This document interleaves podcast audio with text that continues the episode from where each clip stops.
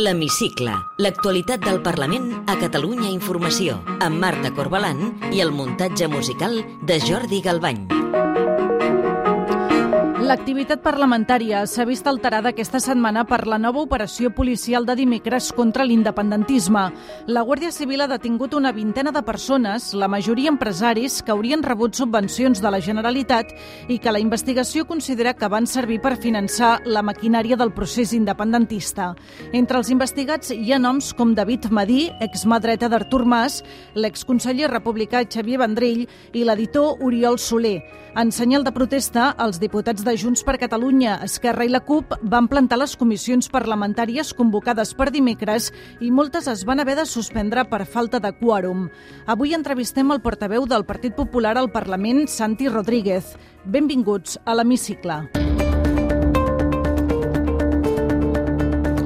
L'operació de la Guàrdia Civil ha fet créixer la indignació dels partits independentistes.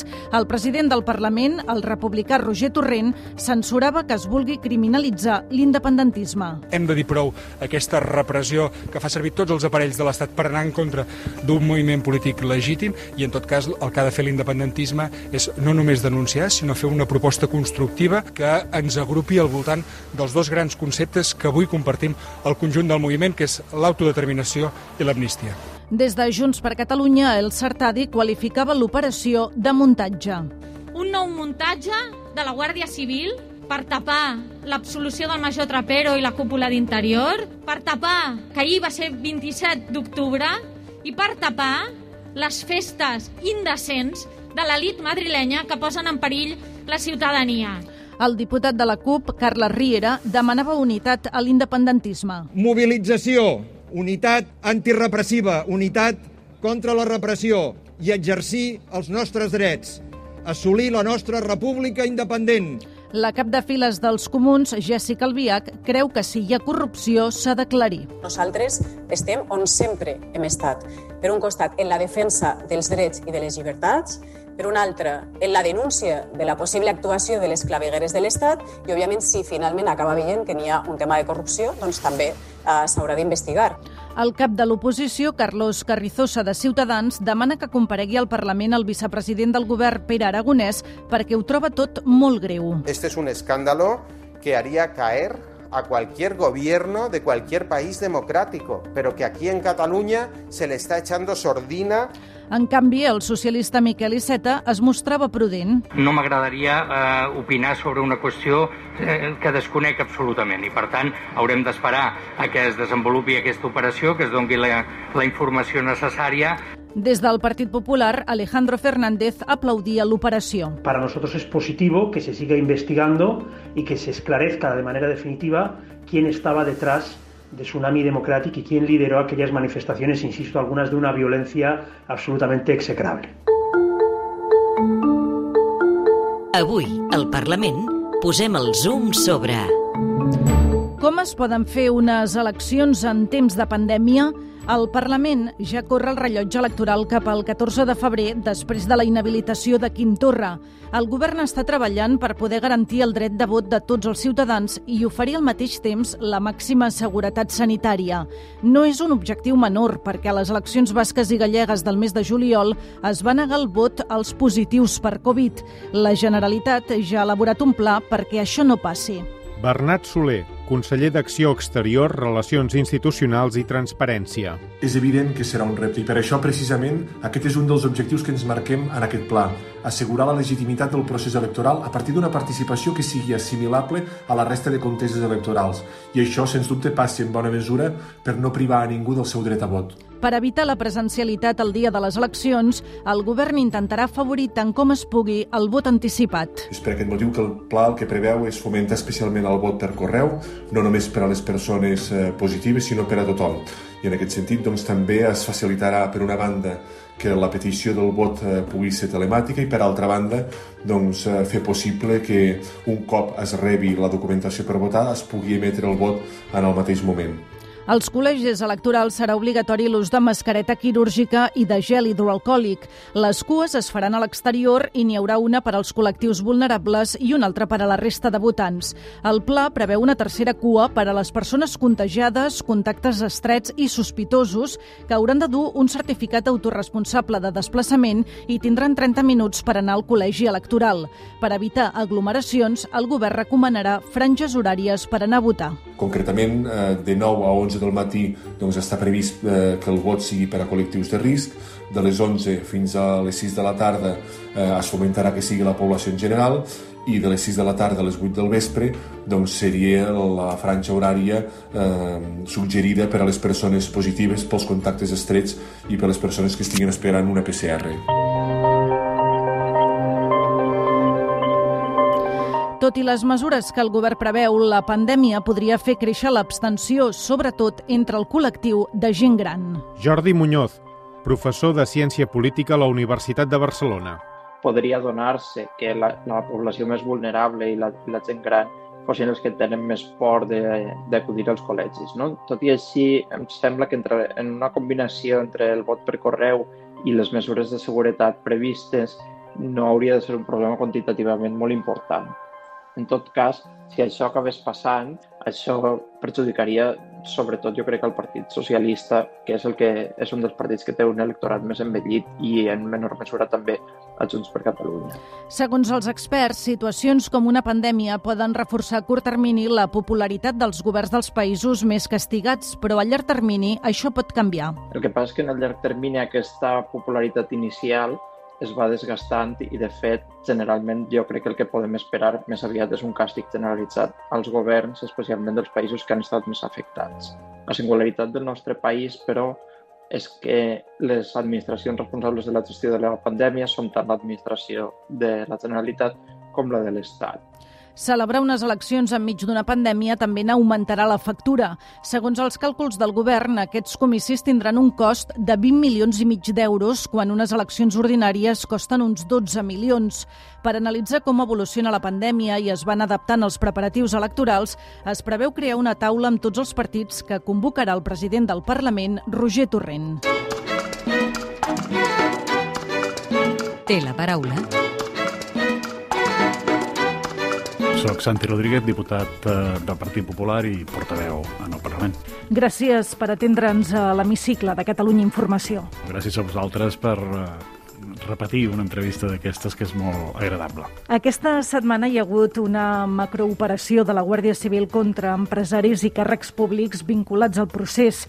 L'independentisme creu que darrere les detencions hi ha la voluntat de criminalitzar aquest moviment polític. Què en pensa? Doncs en discrepo completament. Eh, els jutges i els cossos de seguretat eh, fan les seves funcions a partir de la informació que tenen i si consideren que hi ha hagut persones que s'han saltat la llei, actuen. I així té que ser un estat democràtic i de dret. La setmana passada es va posar en marxa el rellotge electoral a Catalunya.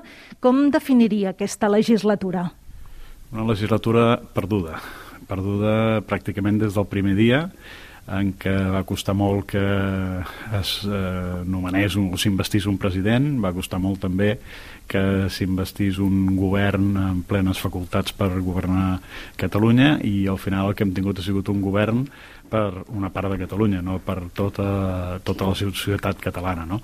I per tant això després s'ha vist amb l'obra de govern, amb la legislació i amb les actuacions que han tingut que no tenien interès en, en governar pel conjunt de la ciutadania de Catalunya, sinó només per l'interès d'uns quants.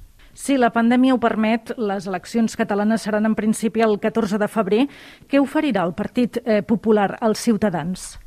Doncs el que oferirem és eh, canviar de xip, és abandonar aquest eh, frontisme en què ens té instal·lat l'independentisme des de fa 10 anys i eh, tornar a recuperar la Catalunya emprenedora, la Catalunya dinàmica, la Catalunya oberta al món, oberta a Espanya, oberta al món. El Partit Popular es presentarà en coalició amb Ciutadans a les eleccions del 14 de febrer. Jo crec que dependrà eh, molt també de l'actitud que Ciutadans eh, demostri en totes aquestes setmanes eh, en, en relació a si, és un, a si pot ser un soci de fiar o no. A priori, però, creuen que sumaria aquesta aliança? Si hi ha una coincidència de projectes polítics, eh, jo crec que és factible que una aliança d'aquestes característiques pugui sumar. El que els electors no entendrien és que, és que fossin projectes polítics eh, diferents, no? I aleshores sí que això difícilment sumaria. Per això he dit que depèn molt de quina sigui l'actitud i els posicionaments que tingui Ciutadans en aquestes setmanes, perquè si hem de fer una aliança amb uns ciutadans que, eh, doncs, per exemple, recolza els pressupostos generals de l'Estat amb el Partit Socialista i amb Podemos, demostraran que el seu model de societat és allunyat del nostre model de societat i per tant això dificultaria la credibilitat d'una aliança d'aquestes característiques a Catalunya o a qualsevol altre lloc. No? Per això crec que és important saber exactament eh, amb, qui, amb quins ciutadans eh, volem fer una, una aliança. Com valora la gestió que està fent el govern de la Generalitat de la pandèmia de la Covid? Doncs eh, la, la veritat és que no gaire positivament, no? i més eh, aquesta darrera setmana doncs, que hem vist les contradiccions contínues entre diferents membres del govern, primer que si el teletreball, després de que si els confinaments, després jo crec que també li perd en aquest govern eh, la reivindicació nacionalista, la reivindicació independentista, quan fan propostes que saben que no poden dur a terme, i per tant des d'aquest punt de vista jo crec que han instal·lat en la confusió, i insisteixo especialment aquesta setmana, han instal·lat a la confusió eh, a la ciutadania de Catalunya i això no és pas positiu. Eh, per una altra banda, eh, veiem que també el govern eh, continua tenint eh, dificultats, no, no sé si són dificultats o manca de voluntat per eh, dotar la sanitat de les eines necessàries per fer front, i ja, ja no dic per fer front a les necessitats ordinàries de la sanitat, que també, sinó per eh, fer front amb aquesta pandèmia. No? Els governs estan demanant responsabilitat als ciutadans per poder controlar aquesta pandèmia, mentre aquesta setmana eh, s'ha conegut que un centenar de polítics i d'empresaris, entre ells el líder del seu partit, Pablo Casado, van assistir a un sopar a la gala de lliurament d'uns premis. Què en pensa d'això? Doncs miri, han reconegut que es van equivocar, de que no era el moment adequat per fer un acte d'aquestes característiques, cosa que no he sentit de cap independentista en relació a les concentracions que van tenir lloc ahir a diversos municipis de Catalunya i que van concentrar bastanta més gent que la que hi havia en aquell sopar. Aquesta setmana hem conegut un altre cas de suposat assetjament sexual que ha obligat a fer plegar el diputat de Junts per Catalunya, Eduard Pujol. El seu partit té protocols d'actuació davant de casos com aquest? Sí, el nostre partit té protocols d'actuació. Eh, tampoc no ens hem trobat amb la necessitat i tant de bo eh, no ens hi haguem de trobar mai eh, per actuar en casos d'aquestes característiques. De totes maneres, el que sí que veig és que els protocols que tenen altres forces polítiques són bastant lents en la seva aplicació, no? perquè he vist que eh, en alguns casos han trigat molt en, en actuar i en dur a terme aquestes actuacions. I ho dic també eh, no només pel cas que hem conegut aquesta setmana, sinó pel cas que es va conèixer dintre el mateix govern de la Generalitat.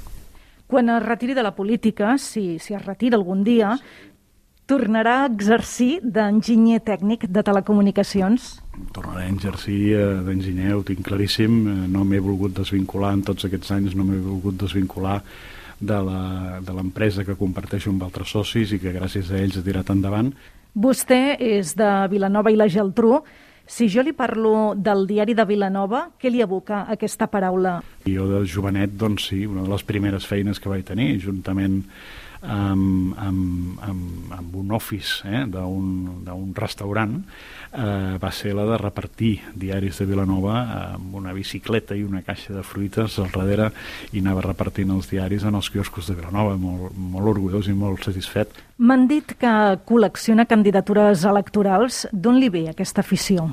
Des de les primeres eleccions eh, que hi van haver, i en les que era un marrec doncs devia ser d'uns 13 anys més o menys, jo vaig demanar als pares de poder-los acompanyar a, una, a un col·legi electoral aviam com funcionava allò de les eleccions no? i doncs vaig començar a recollir candidatures i des d'aquell dia fins ara continuo recollint les candidatures, les mantinc arxivades i tinc doncs la col·lecció de totes les candidatures electorals de Vilanova, les municipals són de Vilanova, que, que hi ha hagut a la democràcia. Amb quina música s'identifica? Mira, hi ha una cançó magnífica d'Estopa conjuntament amb Joan Manel Serrat que van treure en l'àlbum del desè aniversari, és a dir, ja fa uns quants anys, de, en el desè aniversari d'Estopa i que crec que reflecteix eh, molt bé el que és la convivència a Catalunya. No? Digui'ns un defecte. Fumo. I una virtut? En l'últim any i mig he aconseguit aprimar-me bastant. I ja per acabar, completi la frase següent. El que més m'agradaria del món és els meus fills i els fills de totes les persones que conec a les properes generacions eh, tinguessin uns projectes de vida que poguessin desenvolupar amb tota la normalitat i naturalitat del món. Santi Rodríguez, portaveu del PP al Parlament, gràcies per atendre'ns a l'hemicicle de Catalunya Informació. Moltes gràcies a vosaltres.